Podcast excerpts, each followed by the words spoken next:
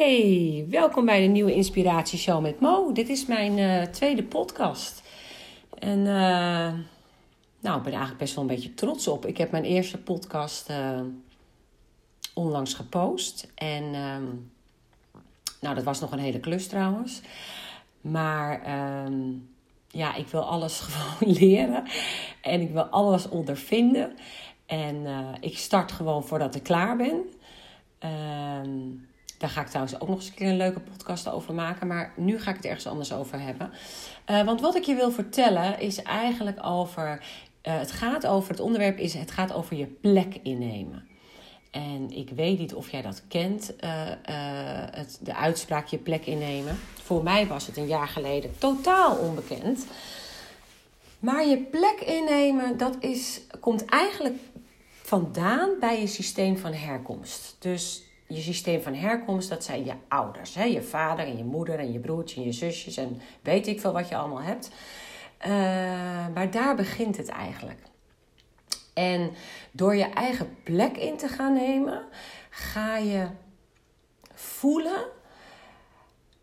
Ja, je gaat voelen wie jij eigenlijk werkelijk bent. En je gaat stoppen met uh, zorgen voor de ander. Of je gaat stoppen met, het met uh, bemiddelaar te zijn. En ja, je, je ontwikkelt je namelijk al heel jong gedragspatronen aan. Ik weet, dit zal wel heel geen goede zin zijn, maar goed. Um, en die je op latere leeftijd ook vaak tegenkomt. En ja, als je daar niet bewust van bent, uh, want het kan ook namelijk wel een kwaliteit zijn. Um, kun je jezelf enorm klem gaan zetten. En ik, ik merk nu ook dat ik met mijn armen over elkaar zit. Dus ik zet mezelf nu eigenlijk ook een beetje klem. En dat komt omdat ik dit ook best wel spannend vind. Um, weet je, ik wil namelijk iets aan jullie vertellen. Ik wil dat jullie daar iets aan hebben. Uh, zodat jij kan gaan ervaren wat het is om erachter te komen ja, wie je nou echt bent. En hoe jij in het leven wil gaan staan. En wat voor jou belangrijk is. En dat begint echt met je eerst je eigen plek in te nemen. En hoe ik dat heb gedaan, is door mijn vader en mijn moeder neer te zetten. En ik ben daarnaast gaan staan. En natuurlijk niet echt hè, met mijn vader en mijn moeder. Want uh, die vinden het waarschijnlijk allemaal abacadabra wat ik aan het doen ben.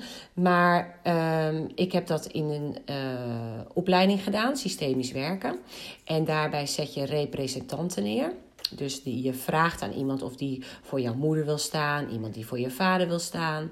En in mijn geval nog aan iemand die voor mijn broertje wilde gaan staan. Nou, ik heb dat gedaan. Ik heb die mensen neergezet en ik ben daar zelf naast gaan staan. Dus je begint met je vader, daarna zet je je moeder en daarna kwam ik zelf. Ik ben namelijk oudste kind.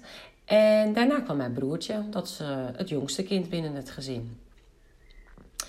En iedereen, uh, of tenminste een hoop, nou weet ik eigenlijk niet, uh, maar voor mij was dat in ieder geval zo. Binnen ons gezin, in, in, vanuit mijn systeem van herkomst, zijn er best wel wat strubbelingen geweest. En Misschien herken je dat. Maar ons gezin is uit elkaar gevallen omdat mijn ouders gingen scheiden. En in dit geval ben ik bij mijn vader blijven wonen samen met mijn broertje. Wat er toen gebeurde, onbewust, waar ik me dus tot, tot een jaar geleden nog steeds niet bewust van was, is dat ik onbewust de plek heb overgenomen van mijn moeder. Dus ik was ineens geen oudste kind meer. Ja, dat was ik natuurlijk nog wel. Maar ik, werd, ik, ik heb ook een, ben ook een soort moederrol gaan vervullen. Dus ik ben gaan zorgen voor mijn vader en ik ben ook gaan zorgen voor mijn, voor mijn broertje. En niet dat mijn vader dat aan mij heeft, heeft gevraagd toen de tijd, maar dat, dat ontstond gewoon. Ik wilde er graag zijn voor mijn vader, ik wilde er graag zijn voor mijn broertje. En dat heb ik de rest van mijn leven ook gedaan. En niet alleen bij mijn vader en bij mijn broertje, maar dat heb ik gedaan in werksituaties, in relaties, in vriendschappen.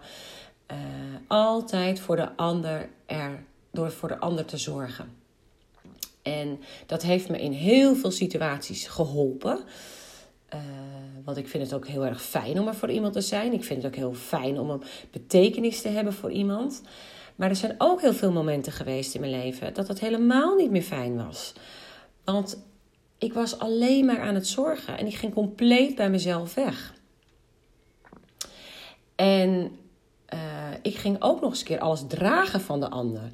Dus misschien herken je dat wel, dat als iemand komt met een probleem of die zit ergens mee, dat je daar helemaal in die energie meegaat. En dat je dat onwijs vervelend vindt voor die ander. En dat je eigenlijk helemaal niet meer in je eigen energie kan staan. Waardoor je ook er niet achter kan komen wie je nou eigenlijk bent. Wat nou eigenlijk jouw waarheid is en hoe jij je leven wil leven. En wat voor jou belangrijk is. En echt, het is een simpele opdracht. Tenminste, hij lijkt simpel, maar dat is hij ook wel echt om uit te voeren. Want je kan dit ook heel goed zelf gaan doen. Zet maar gewoon, eh, weet ik veel, een paar kopjes neer. En, en zet je vader neer en je moeder en, en jezelf en, en je broers en zussen. En ga eens kijken wat er dan gebeurt. Kijk, kijk er maar eens naar. Hoe, in hoeverre zorg jij nog steeds voor je ouders en voor je broertje en voor je zusje? En ben jij echt het oudste kind? Of ben jij echt het jongste kind? En hoe heeft zich dat zeg maar ontwikkeld in, in jouw verdere leven?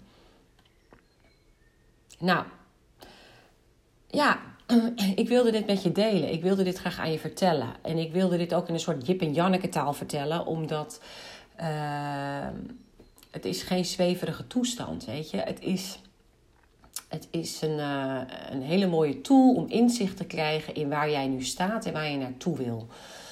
Dus als je vragen hebt of als je er wat aan hebt gehad, nou, laat het me weten. Zet het in de reacties. En uh, ja, ik ben super benieuwd. En ik vond het echt weer super leuk om dit te doen. Dus uh, ik hoop dat ik je zie bij de volgende podcast. Dikke zoen.